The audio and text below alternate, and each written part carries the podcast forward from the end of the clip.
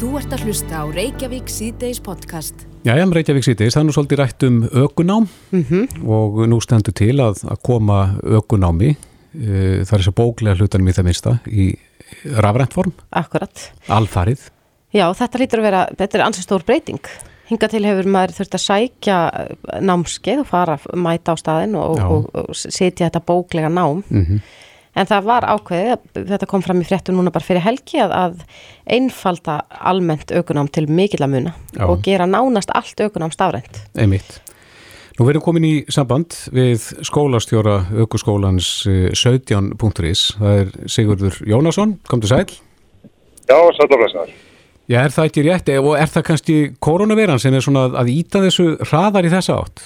Já, ég hugsa að hjálpi til en þetta hefur staðið til í býstna mörg ára að, að koma þessu í e, svona stafræntferðli. Mm Uh, ég satt uh, fund fyrst út af þessum málum fyrir sennilega tæpum nýju árum síðan. Mm Þannig að, að það var, voru mikla gleði fréttir í síðustu viku að, að sjá að, að hérna, stjórnut verið að íta þessu verkefni og vöru loksins. Akkurat, þetta lítur að hafa áhrif á marga. Ég held ég að við lesið hérna í fréttum að þetta værum 5 til 6 þúsund mann sem læra að, að læra að keira á hverju ári. Þannig að þetta er Já. greiðlega mikil hagræðing. Þetta er gríðarlega hagraðing og sérstaklega fyrir náttúrulega yngst aldurshópin þess að nema sem er að hefja aukurna um 16 til 17 ára gömul. -hmm.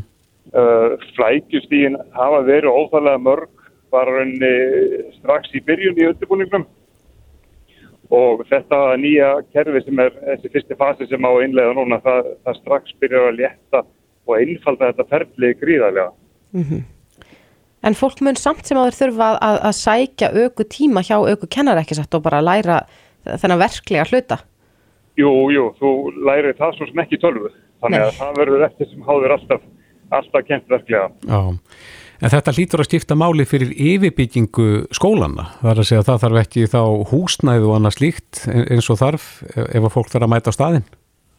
Já, aukuskólar hér á landi uh, hafa í auknum mæli færst yfir á netið. Það er ekki margir aukuskólar í dag sem að eru með kennslu í stofu þó að þeir finnist vissulega ennþá sem betur fer. Mm En uh, flestir nemar í dag taka uh, bóklega aukunámið í gegnum netið, netið í, í fjarnámi. Já, þannig að þetta hefur verið svona þokast í, í þessa átt. Já, svo breyting sem að er núna uh, runni í farvatninu er að er runni, þess bara að fyrsta er umsóknarferðlið. Í dag er þetta þannig að þegar að 16 ára unglingur ætlar að læra uh, á bíl, Mm þá þarf hann að byrja því að sækja um námsheimild til næsta síslumanns og námsheimildin er, er henni skilið hann á pappír og nefnandi þarf að fara til síslumanns með forráðmanni -hmm. skilin um höfublaði, þá fyrst má hann hefja aukunum, svo fyrir hann að fara aftur til síslumanns til þess að fá heimil til æfingakstus og aukurskólanu þurfa að senda staðfestingar á, á, í pappisformi til nefnda, þannig að við erum að rauninni horfa fram á að einfalda þetta all verulega. Þannig að þetta verður allt fært í stafrænt form. Þetta verður allt fæst í stafrænt formi á. Mm og samskipti milli stopnana og fyrirtækja fara þá í stafrænt form frá því sem verið hefur á, á pappirum og postsendingum. Já. En Sigurður, hefur, uh, í gegnum tíðina hefur náttúrulega verið svona bitbein hver, hver aldurinn á að vera sem við vilja hækka bílprósaldurinn upp í mm, átján, jafnvel 19 eða 20 sumi hverjir. Já. Er eitthvað í farvatninu þar að, að breyta aldrinu sjálfum? Nei, þetta var, eh, kom til umræðu þegar að uh, síðustu þessar nýjustu umfyralögin voru í, voru í smíðum, þá var eins og munni kannski eftir, var verið að fjallum að hækka aldurinn hugsanlega í 18 ár. Um, hann var náttúrulega 18 hef- ár hérna í gamla daga, sko, svo var hann lækkaður í 17 Mm og um, rannsóknir hafa sínt að það sem gerist við að hækka aldurinn í 18 ára, þú bækkar ekki sleisum, þú frestar þeim um eitt ár. En uh, ef þú ætlar að horfa á hækkun bílbrósaldurs með það markmið að bækka sleisum, þá þarfst að færi 24 ár. Já, Þannig að það hefur ekki verið, ekki verið í umræðinni. Nei. En nú þú, eh, st- starfar þú sem auku kennari á samt öðru. Já, Um, Já. er það þín tilfinninga að, að 16 ára ungmenni séu reyðibúin og tilbúin fyrir þessa ábyrð sem þið fylgir að, að stýra bíl? Mör, ja, í mörgum tilfellum eru þau öll einstaklingar og enginn tvö eins. Og það er alveg ljóst að þau eru ekkert öll endilega alltaf tilbúin 16 ára en mörg uh, náttúrulega með góðri handleyslu fáðu taka mörg, mörg skrifi þroska í þessu ferli Mm og, og það sem að bættist við hérna fyrir all nokkrum árum síðan var þessi æfingaakstur sem þau geta farið inn með fórættum eða forðamönnum og það rauninni gerir þau mikið reyndar og betri ökuminn þegar kemur svo prófinu í kringu 17. aldurinn. Hefur það orðið til góðs á þínum að þið? Já, engi spurning. Hefur, hefur, við tókum mörg skrif fram á því þegar að þessi æfingaakstur var, var engi spurning. Þannig að við erum að skila betri ökumönnum út í umfyrirna? Já, þau eru stöðut að standa sér betur. Akkurat. Ég, ég, ég vil tala unga, unga fólki okkur upp en ekki niður þannig að já og, og rannsóknir sína það og alla tölur að þau eru stöðut að, að bæta. En eh, þegar þetta færist núna í loka ár, eða það verður í, á þessu árið sem þetta verður eh, fært yfir í stafrænt form, mun verðið á, á þessu námi breytast eitthvað? Ég uh, get svo sem ekki sagt til um það en ég hef ekkert endilega von á því að það breyti. Uh, að, læra til dæmis á bíl og mótorhjól á Íslandi er, það er með þjóðbyrjastu sem gerist í, Skandinavíu í það minnsta Mm og um, ég hef ekki von á því að það breyti, að þessi fasi muni breyta neinu þannig. En, uh, en hvort að sko það sem að hefur ofnbæra tekur til sín í þessu ferli, ég get náttúrulega ekki svara fyrir það. nei. Hvað er þetta dýrt ferli fyrir þá sem eru kannski að horfa upp á það að, að börn, börni fara að svona sigla í þennan aldur? Hvað, hvað kostar það að fá bílpróf í, í dag þegar upp er staðið? Ég held að þegar að allt er talið, nú er þetta náttúrulega aðeins misnæmt vegna þess að aukukennarar, þeir eru starfa allir sjálfstæðir, þeir sem kenna fyrir þessi réttindaflokk. Ég sem er þetta almenna bílpróf, þeir geta raunlega relativt bara hver eftir sínu nefi. Já, En mér sýnist svona kannski ef við horfum á okkar meðaltal á landsvísu að- og með við lámast tímafjölda og, og að nefnanni nái prófurum í fyrstu tilhörn, þá eru að tala um einhverjum bílinu 270-300 þúsund geti ég trúið í dag. hefur svo tala hækkaði að lækkaði eitthvað í gegnum tíðina? Hún náttúrulega hefur hægt og bítandi þokast upp á við bara í takt til annað verðlega í þjóðfélaginu. Já, En uh, í sé haldið til haga þá er þetta talsett undir en kostnaði til dæmis uh, ef þú fyrir til Noregs og læra á bíl þar. hvað kostar það þar? Uh, ég get sagt í dæmis að, að vinnu minn sem er bæklinuskurlagnir í Oslo kom til mér fyrir mörgum árum og læraði móturhjól. Hann sagði að hann sparaði sér, það væri fjórfald dýrar í Oslo að læra móturhjól heldur en á Íslandi. Já, Þannig að hann sagði, þykir mér, það er ódýrara fyrir mig að fljúa heim með, sa- á sagaklass, stýst á hóteli, borða veitingastöðum og læra hér heldur en taka þetta úti. Já, þetta er magnað. það er bara sliðis. Já. Sigurður Jónasson, eh, skólastjóri aukurskólan 17.is, kæra þakki fyrir, fyrir þetta og gangið vel í umferðinni. Já, þakk ykkur sem við leiðis. Bless, bless. Best, best. Þú ert að hlusta á Reykjavík C-Days podcast. Reykjavík sýtis heldur áfram. Það var upplýsingafundur almannavarna í dag og já, það var nú kannski gleðilegt að segja frá því að, að tölurnar innanlands eru en það mjög hagstæðar. Það var einn sem greindist með kórnuveruna en, en sá hinn sami var í sótkví. Já, En það var eins og að vera að fjalla um eh, stöðuna á landamærinu og þar segir við einu svona að 90 farþegar sem komu hinga til lands á, um helgina voru sóttir af vinum og vandamærum. Já þetta eru svakalega tölur og það má í rauninni segja að výlínan sé svolítið þarna við landamærin Já, staðan, akkurat, staðan er góð hérna innanlands og, og auðvitað viljum við ekki að það, að það komi smitt frá landamærinu minnilandi þegar að staðan er eins og hún er núna Einmitt. en uh, þetta er auðvitað ekki, ekki leifilegt að koma og sækja fólk beint úr flugi, fólk á að fara í sótkví og það eru reglur sem gildum þetta en fólk hefur- verður samt ekki hlýða Nei, það hefur verið talað um þetta áður. Jón Pétur Jónsson, hann er yfirlörglu þjóttn á landamærasviði hjá ennbætti ríkislörglu stjóra og, og var einmitt á fundinum og, og hérna gaf þessar upplýsingar þar. Komdu sæl. Já, komið sæl. Já, hvernig, hvernig höndliði svona mál? Þið voruð þið hann um helgin og tölduð? Já, við gerðum það núna um helgina að þá voru þetta 90 tilveik sem að koma upp uh, um helgina þar sem að einstakningar eru að sækja farðið úr flugi.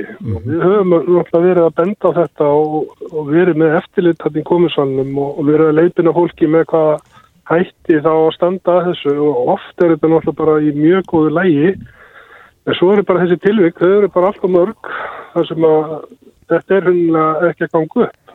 Já, það var sagt frá því í dag að þetta er einn af hverjum þremur uh, sem enga kemur sem er þá sóttur að vinna að vandamanni um, Hvað segir fólk þegar, er þið að, að nálgast þessa einstaklinga og benda þeim á að þetta sé ekki rétt að leiðin og, og hverju svara fólk þá?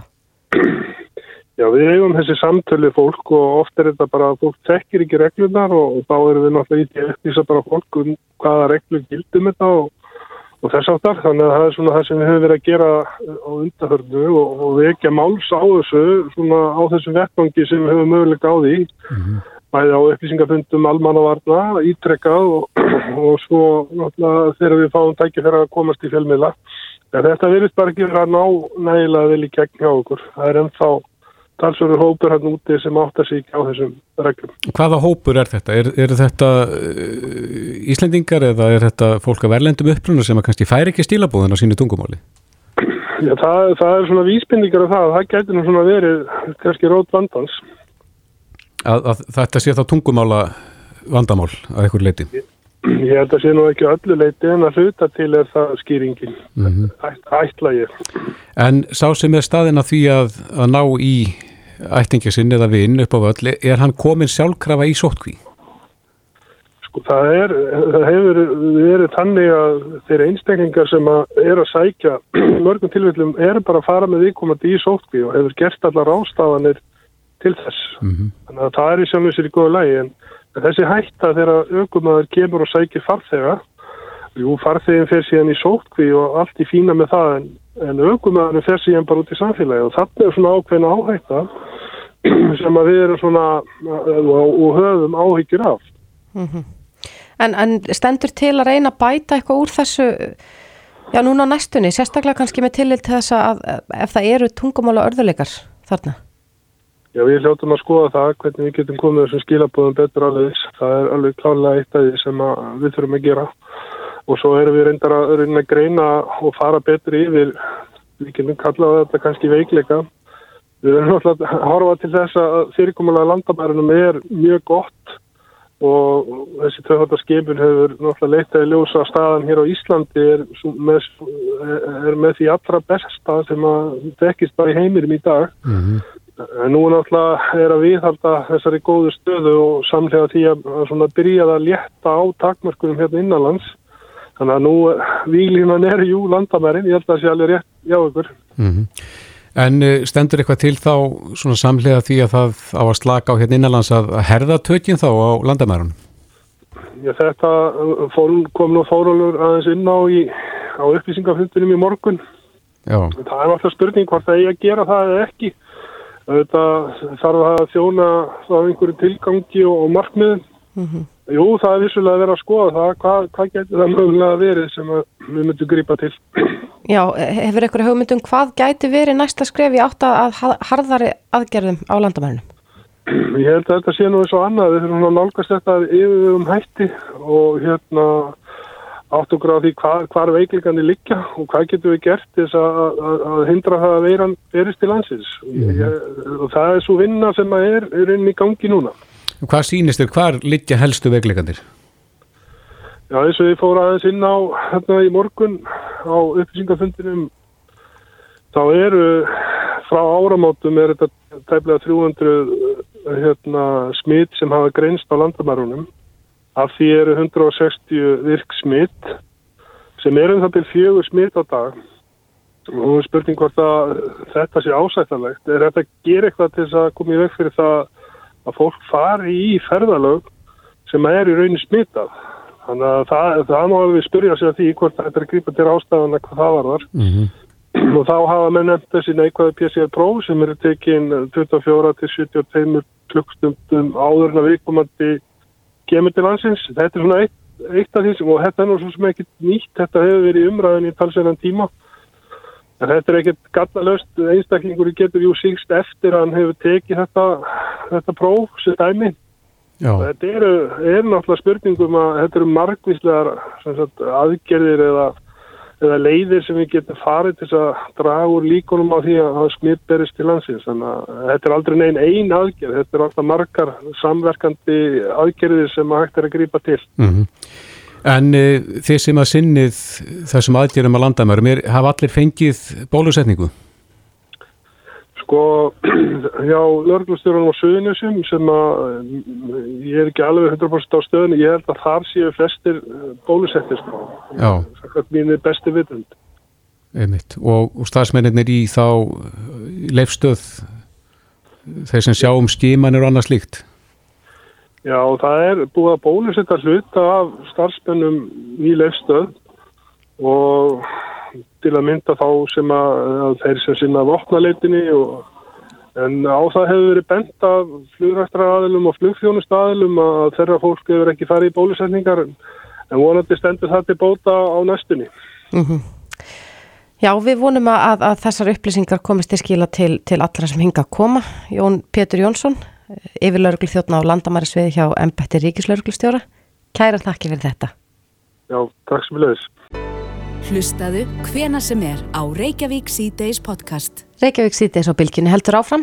Við tölum oft um svepp, en já. það skiptir hann öllu máli. Mm -hmm. En, en nú, miklu. Um, já, ég myndi segja hann skiptir, hann skiptir mjög miklu já, máli. Akkurat. En nú er að hefjast svona sveppn vika á bylginni, mm -hmm. þar sem við erum að fá að heyra fullt af skemmtilegum staðröndum um sveppn og svona þess að fræðast um, já, gagsemi, má segja það. Og ástæðan er kannski koma sérfrængs eh, sem að samti bókina Why We Sleep mm -hmm. sem hefur verið eh, meðsölu bók við aðeim heim. Já, og ég held að hún sé að til á íslensku núna, ég held að hún gefa nút bara núna fyrir eh, áramóta á íslensku líka. Já, en okkar helsti svefn sérfrængur er komin í þáttinn, Erla Björnstóttir, velkomin. Takk. Svefn sérfrængur. Eh, aðeins að þessari viku við ætlum að, að hérna, starta þessi dag, aðeins að, að þræðast um svefnin og þú getur náttúrulega frætt okkur heilmikið um það. Já, það er alveg nóg að taka þegar það kemur að svefninum og þetta er eins og þið komið inn á óbúslega mikilvæg grunnstóð bara fyrir helsu og velíðan mm -hmm. og það er eins og ég segja svo margt sem hefur áhrif á svefnin þannig að það er bara virkilega ánægilegt að það sé þessi herrferð í gangi núna bylgunni að vera svona vekja aðtekli á mikilvægi svefnsins að því að við erum kannski mörg hver svona svolítið duglega að hunsa svefnin og gleima því kannski að setja hann í forgang og jafnvel eru við að vakna gríðarlega snemma mótnana til að drífa okkur í rektina og klýpa af svefninum mm -hmm. til þess að reyfa okkur en þá kannski eru við svolítið að missa ávinningin af því um þetta að reyfa sig og þess að koma sér í líkamlegt form að því það er svefnin líka svo mm -hmm. mikið undirstað. Já, við ætlum einmitt að fjallum í dag þessa tengingu það er að segja líkamlegt form eða þyngd og þyngdastjórn og annað slíkt og svo svefnin. Já, einmitt, því þetta náttúrulega tengist rosalega stert og marga rannsóknir sem sína það að það er mjög stert samband á milli þess að sofa lítið og veri yfirþyngd. Og það er uh, fyrst og fremst vegna þess að þegar við erum vansvefta að þá er ímislegt sem fer úr takti í líkamannum og meðal annars þá verður svona brengluna ákveðni hormonastarðsemi og sérstaklega eru það hormonin leptín og grelín sem að stýra einmitt matarlist og settu Þannig að það sem gerist þegar við erum illa sofin er að líkaminn hann fer að kalla á svona skyndi orku og við fyrir að sækja í öðruvísi fæði. Við sækjum frekar í sigur og einföld kolvetni og við innbyrðum líka mun fleiri hitæningar af því að hormonin sem að venjulega stýra því hvena við verðum sött að þau bælast mm -hmm. og til dæmis mjög áhugaverð nýleg rannsókn sem að síndi það að fólk sem er vant að sofa um 8 tíma á nóttu að fólk var svift uh, um svefni í tvær klukkustundir þannig að það fór neyri 6 tíma og eftir svona fjóra til fimm daga af sex tíma svefni var fólk farið að innbyrða um 500 fleiri hittæningar á dag með við þá sem áfram svafi 8 tíma. Þannig að það eru þetta mjög fljótt að skila sér. Þannig að ef við erum að vakna snemma til að mæti í rektina þá verðum við bara að passa upp á það að fara nógu snemma að sofa þannig við séum öruglega að fá fullnægindi svefn. Mm -hmm. Það er alltaf lögð mikil áherslu á það sko að, að mataræði skiptir miklu máli og reyfing en, en er svefnin bara á par við þetta? Tvent? Já, algjörlega og eins og ég segi, ég held að svefnin sé, hann er náttúrulega bara eiginlega svo mikilvægasta grunnstof sem til er. Við getum ekki lifað án sveps, við getum lifað lengur án næringar heldur en án sveps. Mm -hmm. Þannig að þetta er algjör forsenda og bara til þess að allt annað gangi vel að þá þarf svefnin að vera til staðar. Þetta er svona grunnurinn og þetta hefur um þetta áhrif á bæði það hvort að við hreyfum okkur, við erum ólíklir til að hreyfa okkur ef við erum þreytt og þetta hefur áhrif á hvað við erum að borða Þannig að þessar þrjár grunnstóður heilsu, mataræði, hreyfing og svefn, þær hafa mjög mikil áhrif hver á aðra, bæði á jákvæðan og neikvæðan hátt. Að því leið á okkur gengur vel á einu sviði, við erum til dæmis vel út kvíld, að þá erum við orku meiri og við erum líklega þess að mæti rættin eða fárt í göngutúr og við sækjum meira í svona hotla og góða fæðu í staðan fyrir að vera alltaf á sér skyndi orku að keira okkur áfram. Mm -hmm. Eigum við að reyna að hafa svefnin alltaf eins, það er að segja á ekki að vera neitt munur á virkumdugum og helgum? Nei, það er best að hafa bara algjöra reglu og rútínu á svefninum og fara bara alltaf á svipuðum tíma að sofa og vakna á svipuðum tíma mótnana. Auðvitað er kannski alveg eðlilegt um helgar að maður hleyður þessu til um einhverja klukkustund eða eitthvað slíkt og jafnvel sofi örlíti lengur og það er allt í lægi svo lengi sem þetta er ekki orðnað það miklar öfgar að við erum farin að hafa áhrif á líkamsklukkun okkar. Farin að sofa bara meðan nótt og sofa fram myndir hádegja, það hefur ekki góð áhrif og er svona svolítil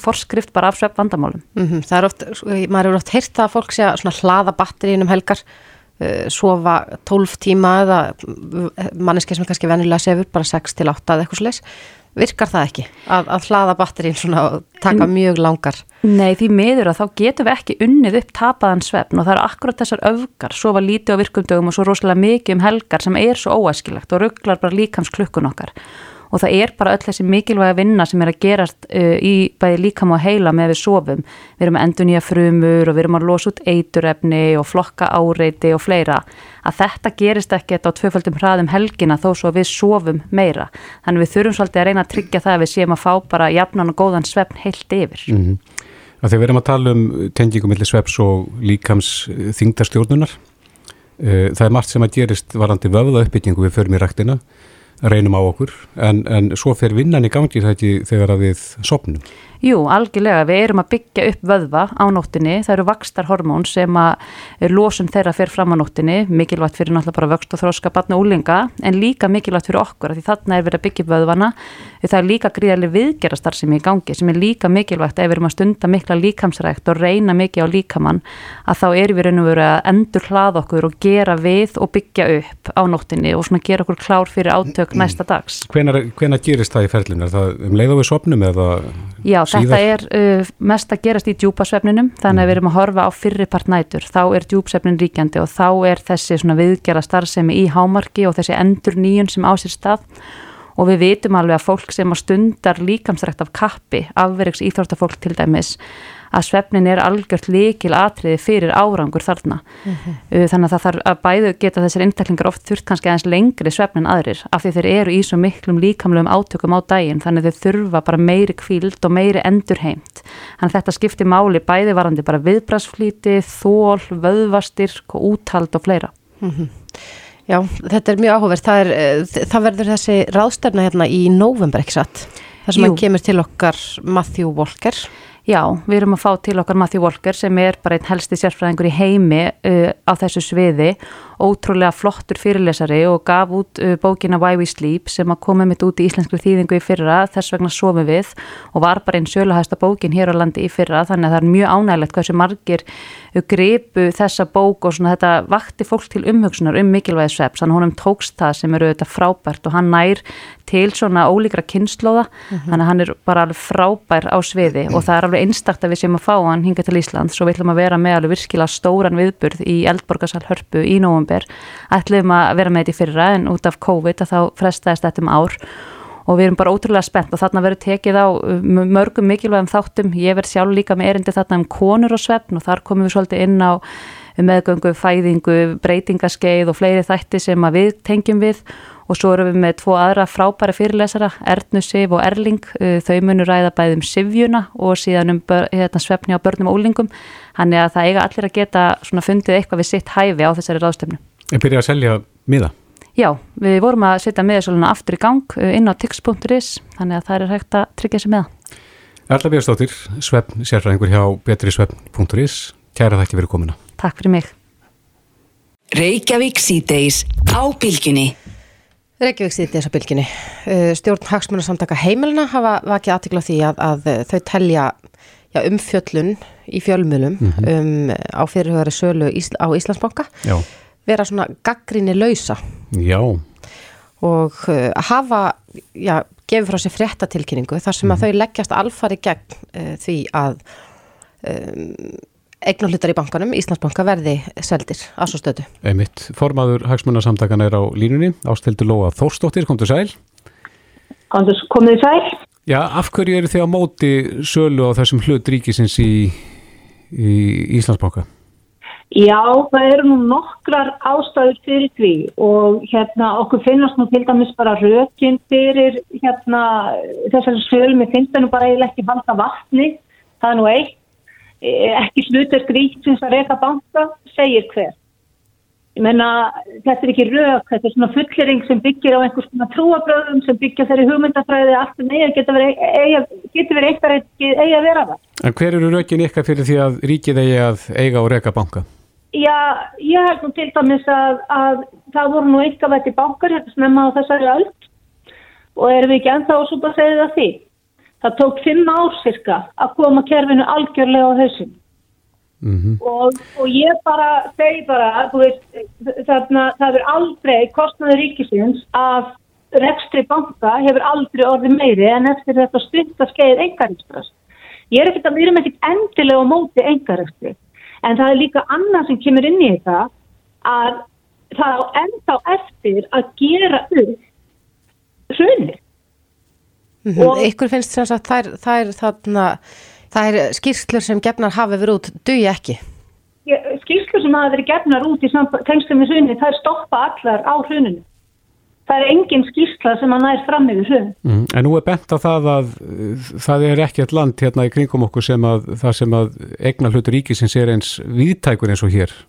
Nei, en það eru líka, við erum náttúrulega fáminn þjóð, það er náttúrulega líka, er ekki samkeppnisumhverfi á Íslandi það er eitthvað svona þákjörnusumkerfi og umhverfi og jafnvel bara hreint og klart samráð. Þannig að við, er, er, ekki, við njótum yfirleitt ekki neytendur og Íslandi njóta yfirleitt ekki ábata af eitthvað svona samkeppni eða engarist. Nei, nú eru þrý stórir bankar á, á Íslandi, mm -hmm. þar að veru tveir í eigu ríkisins. Mm -hmm. er það... Er það ekki á mikið að, að hafa tvo banka í eigu ríkisins? Myndur þú vilja samena þá þessa tvo ríkisbanka? Um, sko ég held til dæmis að það ætti nú bara að skoða endurskipur ekki aðeins þetta kerfi, það ætti nú til dæmis að, að hérna, skilja á milli fjárfæsting og viðskiptabanka, það er nú eitt, það ætti að stofna samfélagsbanka. Og veist, það eru alls konar hlutir sem þarf að gera en ekki bara vaða út í engavæðingu eina ferðina enn. Og svo er nú stundum talað um það að regluverk hafi verið endurbætt, því ég fer bara að hlæja við þetta þegar ég heyri þetta, eða það er eitthvað sem ég hef reynd bæði á eiginskinni og síðan sem formadur hagsmunarsamtaka heimilina, þá er það það að bankarnir gera bara nákvæmlega samt til dýnist, alveg saman hvað þetta regluverki líður. Mm. En það er enginn sem að stoppa það. Þeir eru að völdin, peningarna, lögmennina, geta snúið málum og tafið þar til viðskiptavinnunum gefstu og þeir geta grýtt beitt vingunum. Það sem að viðskiptavinnunum sem brotið er ástæðandi fram fyrir tveimur spænum kostum að, að hætta heimilu sín og berjast eða beigja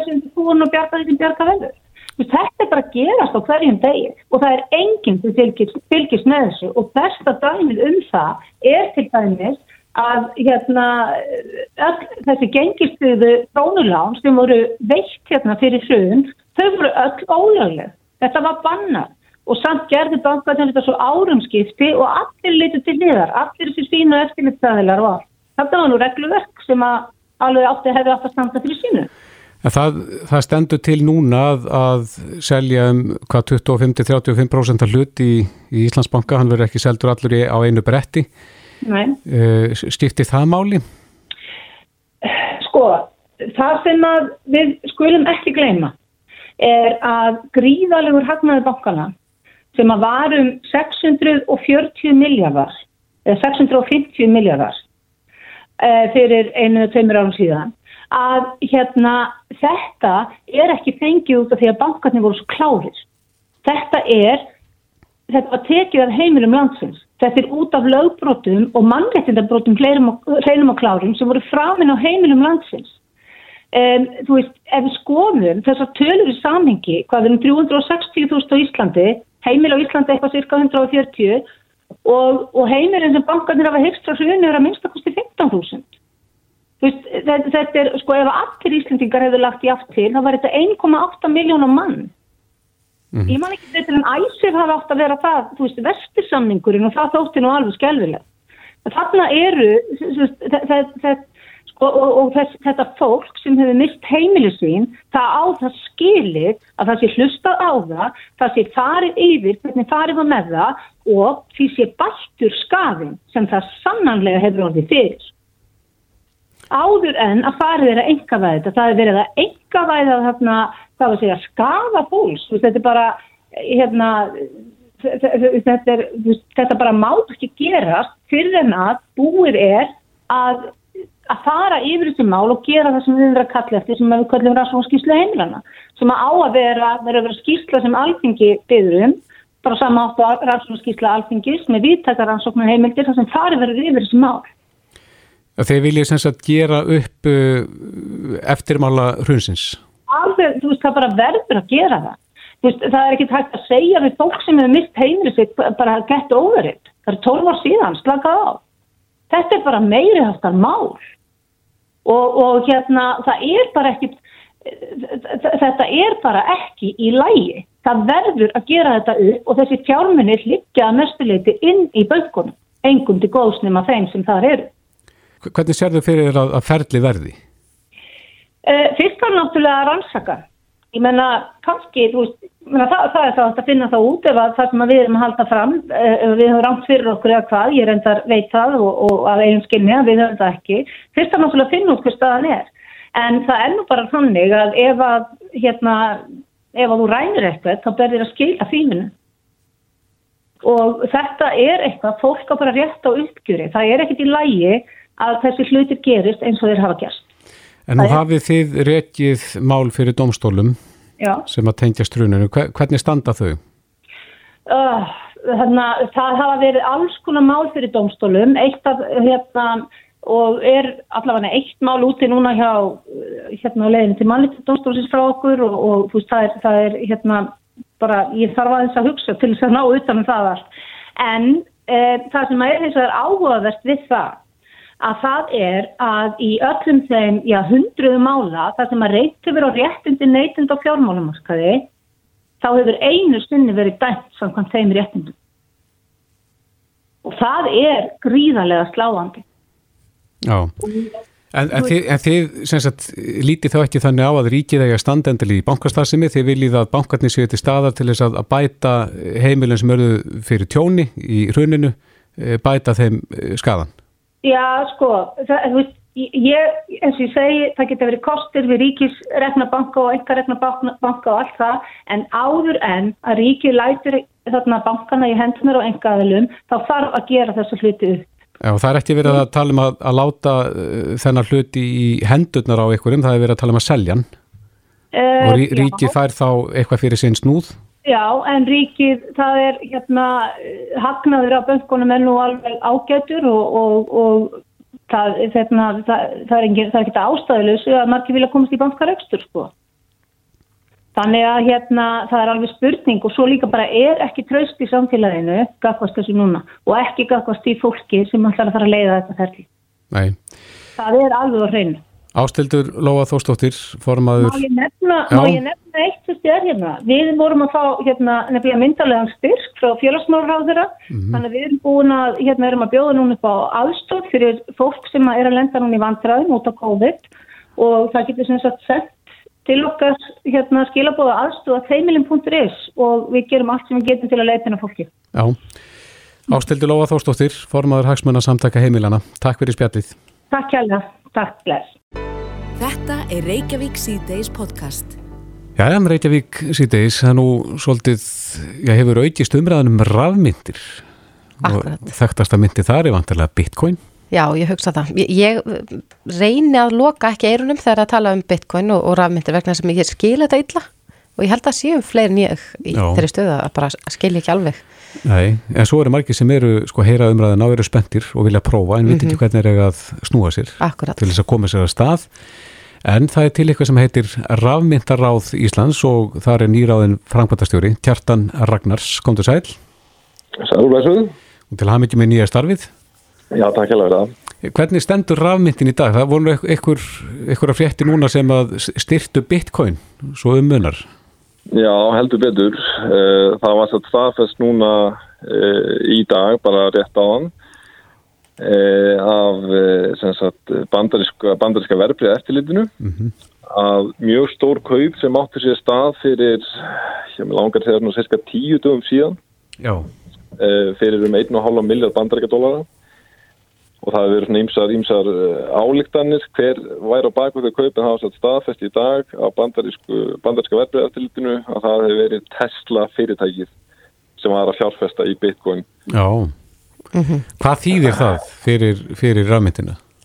Eh, Það til fyrsta leið það, það, það kemur þá 1,5 miljardur aukinn í eftirspurna sem náttúrulega auðvitað keirir verið upp bara sjálfkrafa en, en, en kannski enn stærra í þessu samingir að uh, Tesla er náttúrulega ekki fjárfestingafyrirtæki sko en það er, að, það er að fylgja í fótspór fyrirtæki sem heitir MicroStrategy uh, sem er, sem er á hérna Nasdaq kaupullinni, uh, mjög stórt fóröldunafyrirtæki í bandaríkjum, auðvitað ekki nærið stórt og, og hérna Tesla En það byrjar e, í sumari 2020, þá fer það þennan e, þá leið að kaupa bitcoin bara til að geima fjármunni félagsins eða að segja á, á betri hátteldurna geima í hérna dólar og þarna var broti blað í sögunni þetta aldrei þekst áður að fyrirtæki sem var ekki í fjárfestingum e, væri að kaupa bitcoin. Og þá tala þeir saman, Michael Saylor og hérna, Elon Musk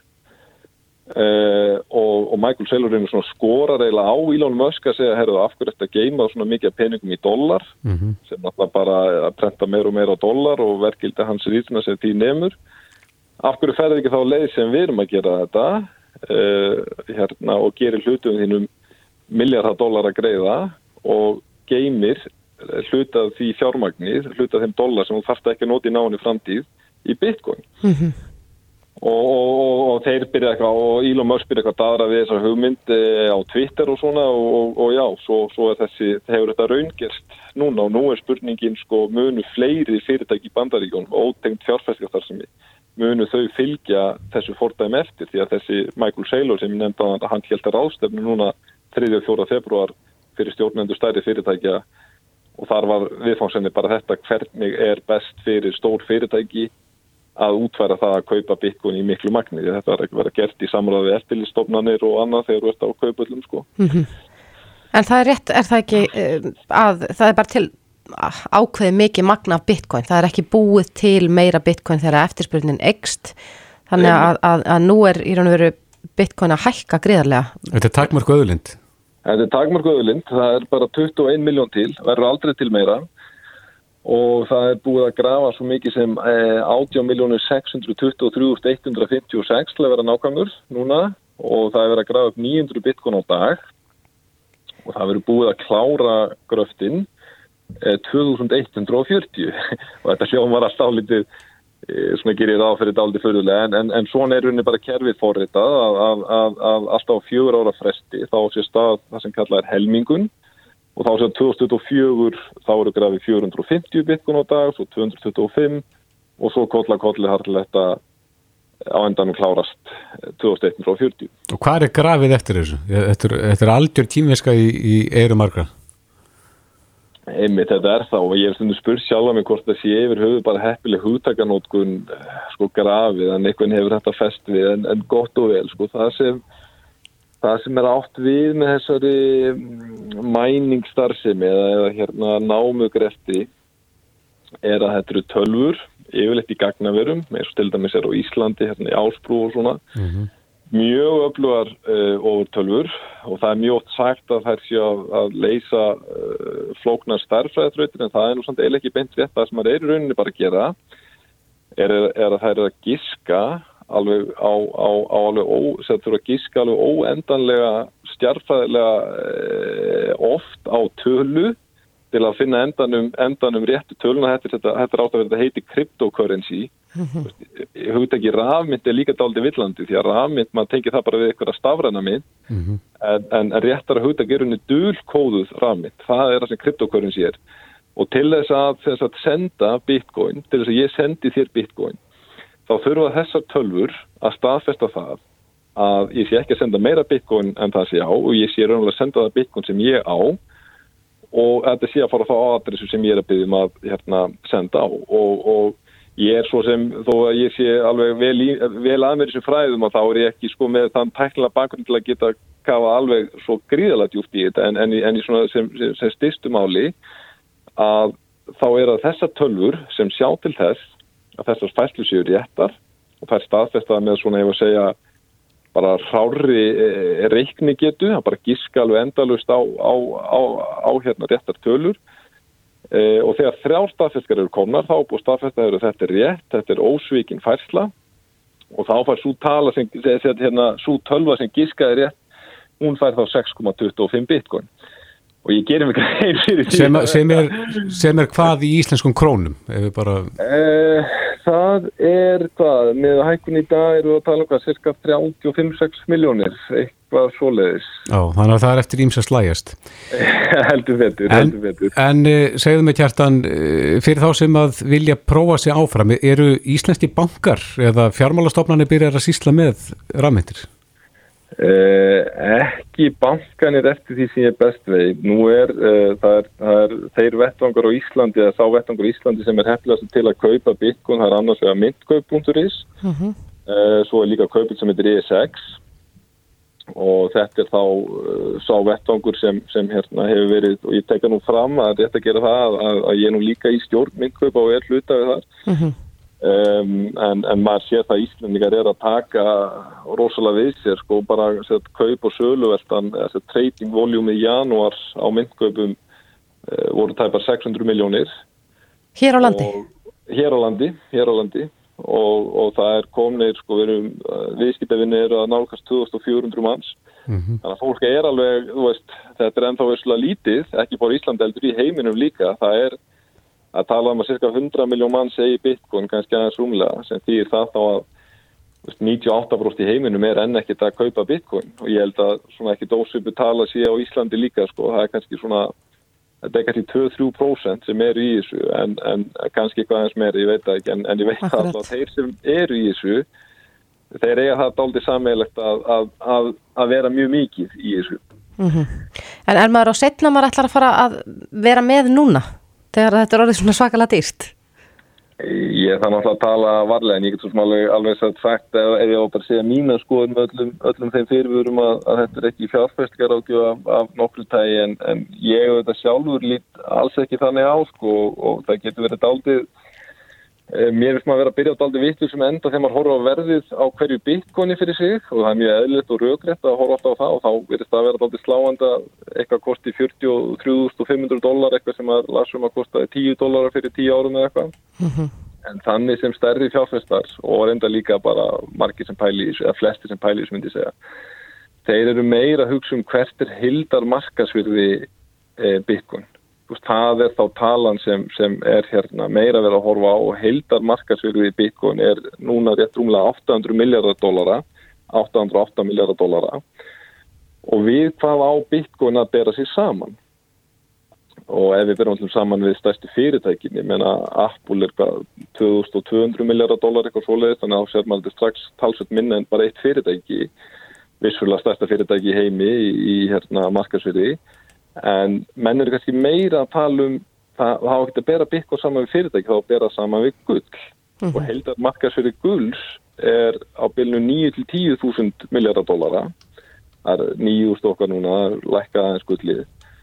Og Bitcoin er, er með það markmið miklu frekar að, að, að sko verða stafrænt gull. Frekar en að þannig að sko ef maður skoðar þessa tölur af því að ég, ég veit að það er svo mikið verið að spyrja mann ef maður er setn og hvað þetta er og maður þannig að fara varlega því að maður, maður vil heldur ekki vera bara að segja við fólk sko, herri, já bara kom þér inn í þetta núna og fara að kaupa þetta okkar svoleiðis maður, maður, maður veitir aldrei veist, ég, ég er bara með þá reglu, ég hvet og rafmyndar á líka og myndkaup bara við hvetjum ekki neitt til að kaupa, við hvetjum bara fólk til að kynna sér þetta og taka sín eigin ákvörun mm -hmm. en ég kannski segi það að, að, að veist, mér finnst raugréttara og það er, þegar fólk pælir, það er raugréttara að horfa frekar á heildar markasverði bitcoin og bera það saman við, já, til dæmis gull um, og svona, kannski svona, já, svona, svona eh, álíka eignaflokka og þá kannski kemst á nöðustöðunni, þetta verður nú kannski bara frekar snemma í ferlinu. Sko. Já, svona, þegar þú náttúrulega tengdur þessum bransa, uh, væri þetta sniðugt fyrir fólk að ávaksta pundsitt, það er að segja Uh, líti á þetta eins og líferi til þess að hérna, fjárfesta til langstíma og, og gæma þetta hann inni í þessum, þessari mynd Já, ég skal að mynda hvort ég segja bara fyrir mitt lit og mína fjölskyldu sko. mhm. -huh. veist, ég segi, þú veist, mína fjölskyldu og, og, og hérna segja við sjálfa mig, ég, veist, ég kaup alltaf bara mánaðarlega, mér er alveg sama á hvaða gengi ég hérna kaupi það, ég bara setja eitthvað, eitthvað afganga af hérna laununum mínum kaupið mánaðarlega og þannig reynir ég að segja við að mínu nánust fjölskyldu það er, það er kannski eina fólki sem að getur hvað sé að fara yfir þessa línu sem er fjárfestingar ráðgjöf sko, að maður getur sagt um mömmu sinna eru köptum ánægilega eitthvað svo leið mm -hmm. þannig, þannig ég, ég líti á þetta þannig og ég líti ekki á þetta sem, sem spáköpmennsku, ég líti ekki á þetta sem áti fjárfestingu eh, ég veit að það er fullt af fólki sem er í þessu á þeim fórstum og bara öll með frálstað að nálgast bitcoin með hvaða hætti sem það er að vera eitthvað kaup og selja, kaup og selja, kaup og selja gott og vel, en, en ég líti á þetta sem í rauninni bara við séum mögulega og þó að sé bara mögulega að fara að taka eitthvað mjög stórt stökk fram á við í þeirri tækni, bara, bara peningalegri tækni til að geima verðmæti yfir lengri tíma, alveg á því hvort það verður greiðsleiri sem hættir að nota í búði eða hvað það er og ég held að þetta sé besta verkværi sem til er í dag til að geima verðmæti e, yfir lengri tíma. Þa, það, þannig líti ég á þetta bara persónulega. Já, rétt aðeins í lokin, e, þetta er nú orðið svolítið tæknilegt en En eh, stýttist því að það sé að nota þetta bara til að borga fyrir mat eða vörur? Einmitt og ég kannski verða, verða ég, ég, ætla, ég ætla að reyna að vera ekki, ekki hérna, mjög tæknilegur sko en, en að því við erum bara svo vöðum til að nálgast peningahugdagi mm -hmm. þannig að það sé alltaf greiðslueiri, það sé það sem þú skiptir fyrir önnu verðmænt út í verslun eða, eða, eða hvað er, mm -hmm. en peningahugdagi samastendur þegar maður skoða 6.000 ára peningasögu magisins, þetta mm -hmm. samastendur veimur þáttum, það er annars vegar þá medium of exchange sem er þá greiðslueiris eh, elementið og hins vegar store of value, það er eitthvað sem geymir verðmæti, en mér finnst bara núna svona síðustu 100 ár þá leggjum legg við bara eitthvað sjálfgráðan skilning í peninga, það, það sé ekkert peningu nema þú getur nota út í búð á meðan gull hins vegar, þú nota gull ekki út í búð en Nei. gull er ennþá peningur, hefur verið peningur í 6.000 ár mm -hmm. þannig ég held að Bitcoin, svona stuttasvarið Nei, ég held að það sé mjög langt eða það gerist á nokkuð tíman að vera eftir að nota Bitcoin út í búð, kannski gerist það, ég veit að ég veit alltaf að það, er alveg hægt að tæknilega er ekki til fyrir stöðu en ég held bara að Bitcoin uh, hafi burðina til þess að uh, fá okkur til að nota það eins og við hefum notað gull og bara Jón og Gunna hefur notað gull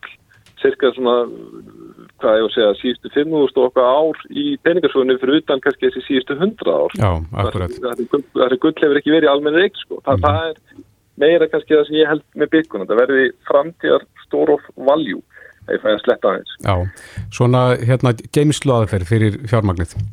Einmitt. Já, e, látum þetta næja að sinni Kjartan Ragnars, nýráðin frangværtastjóri Rafmyndaráðs Íslands. Kæra þakki fyrir þetta. Takk. Reykjavík síðdeis á Bilginni podcast.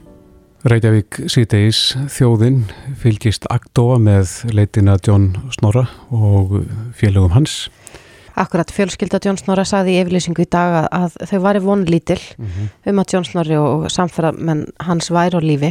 En Já. hins vegar hefur einn skipuleikenda ferðarinnar Já, sagt allavega hann vonist eftir kraftaverki. Já, þannig að menn haldi vonina, mm -hmm. eins lengi og hægtir.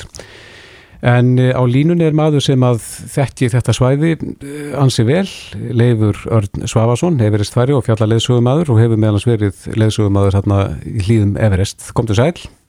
Já, blessuð verði. Uh, já, þetta er náttúrulega hrikaleg staða en, en uh, og erfitt kannski fyrir okkur hér upp á Íslanda að gera okkur grein fyrir aðstæðin þarna í þessu fjalli. Já, það er eins og ég held að segja að renna fyrir mjög fólki, fólk átt að segja þessum kuldartölum og fleira þannig. Það er kannski helst hvað, sé, hvað hæðin er manninum sko erfið mm -hmm. og hvað þetta er reynir á líkamann að vera í svona mikill hæð og yfir 8 ásmetra hæði lifa menn ekki nema nokkra daga. Já, þarna er þá, erum við að tala þá um skort á súrefni og, og slíkt. Já, akkurat. Mm -hmm. Það hefur verið sagt frá því að að John Snorri og samferðamenn hans hafi síðast sérst þarna í, í þessum svo kallega flöskuhálsi. Og þar eru gríðarlega stórar íshellur uh, sem að hanga yfir ef, ef að marka má þar myndir sem maður hefur séð. Um, væri hægt fyrir, svona, fyrir þá sem björgunar aðlana að sjá hvort að, að, að uh, stórir klumpar af ís hefðu fallið þarna úr? Það getur vel verið sko en ég held að það sé svo sem ekki það sem henn er að reyna að sjá einhver merki, merki um þá en það er held ég sér ómögulegt að átt að sjá því hvað, hvernig aðbörður á sig hefur verið eða hvað hefur gert en það er kannski ekki aðan málið. Nei. En uh, aðstæður hérna fyrir björgunarsveitamenn, það er nú talað um það að þyrlur komast ekki þarna upp í þessa hæð, þetta er það hátt uppi þetta svæði sem að, sem að þeir sáu síðast á. Það, það er erfitt fyrir björgunar aðilað að bara aðtapna sig. Já, það er ekki, það, það kemst engin upp í þessa hæð, bara þannig súrumismólun kúlin í andrúsloftinu og svo lítil að fyrirlusbaðarnir hafa ekki afl í rauninni til þess að, að hérna fljúa mm -hmm. og get ekki, get ekki nefnt eða gert nokkuð hlutur, geta kert mótorinn á fullu og náða alveg ótrúlega hátturinn en hérna en þetta yfir 6.000 metrum er aflið orðið mjög lítið til þess að lenda eða gera rauninni eitthvað þannig ég held að þessi meira vinna bara útfinnisflugur en að sjá hvað, sjá svona eitthvað bara til. Já, við, þetta fjall er svona, já, svipað á hæð og everest, ekki satt? Jú, en, en það er greiðlega munur þarna á, getur lístans fyrir okkur hver er, hver er helsti munun á, á þessum töfum fjallum? Það er sem sagt, þetta er mest þetta fjall hér það náttúrulega eins og menn vita. Og hérna K2 er mjög bratt og þetta er sem sagt bara vind má segja bara svona vindarsamt og þetta er ekki, og bara veðravíti. Og hérna og hefur hingað til verið sem þetta er torklegarsta fjall hérðar og tölfræðin hefur nú ekki verið kannski mönnum hérna hlýðull, þetta þetta er hættulegt fjall og hefur verið mikið að slísum þannig að þetta er hérna, þetta er mjög erfitt fjall að klífa eða, eða sinna einhverju björguna Já, og gjör ólíkar aðstæðar hérna að sumri og vetri Já, veturinn gera það bara enn erfiðara það er vindurinn sko kvassari bara eins og við þekkjum hér og, og frosti bítum meira Já Ég las hérna í fréttin á fréttablaðinu að, að svona, var, var verið að líka saman uh, þessum fjöllum að, að á sömum tímum ársins er hægt að, að ganga á Everest en að, að þarna sé ekkert annað í bóði en klefur. Já, þetta er bara allt fjall og það er, eru snjóflóð og grótrun og fleira þannig. Það sem að kannski hérna Everest hefur haft svona kannski eftir 1990 og það er náttúrulega hægt og það laða til sín meira fólki Þannig að þá eru stóri leiðangra sem er að fara og það er margir á fjallinu og það er mikil stuðningur sem fjallgruppmennir hafa. Inga til á K2 hefur hérna, sagt, með eða má segja bara þanga til fyrir einu tveimur án. Það var flestir fjallgangulegarnir verið litli, þeir hafa ekki verið sko, með mikið af mannskap til stuðnings til þess að leggja línur og bera vistir og allt hann.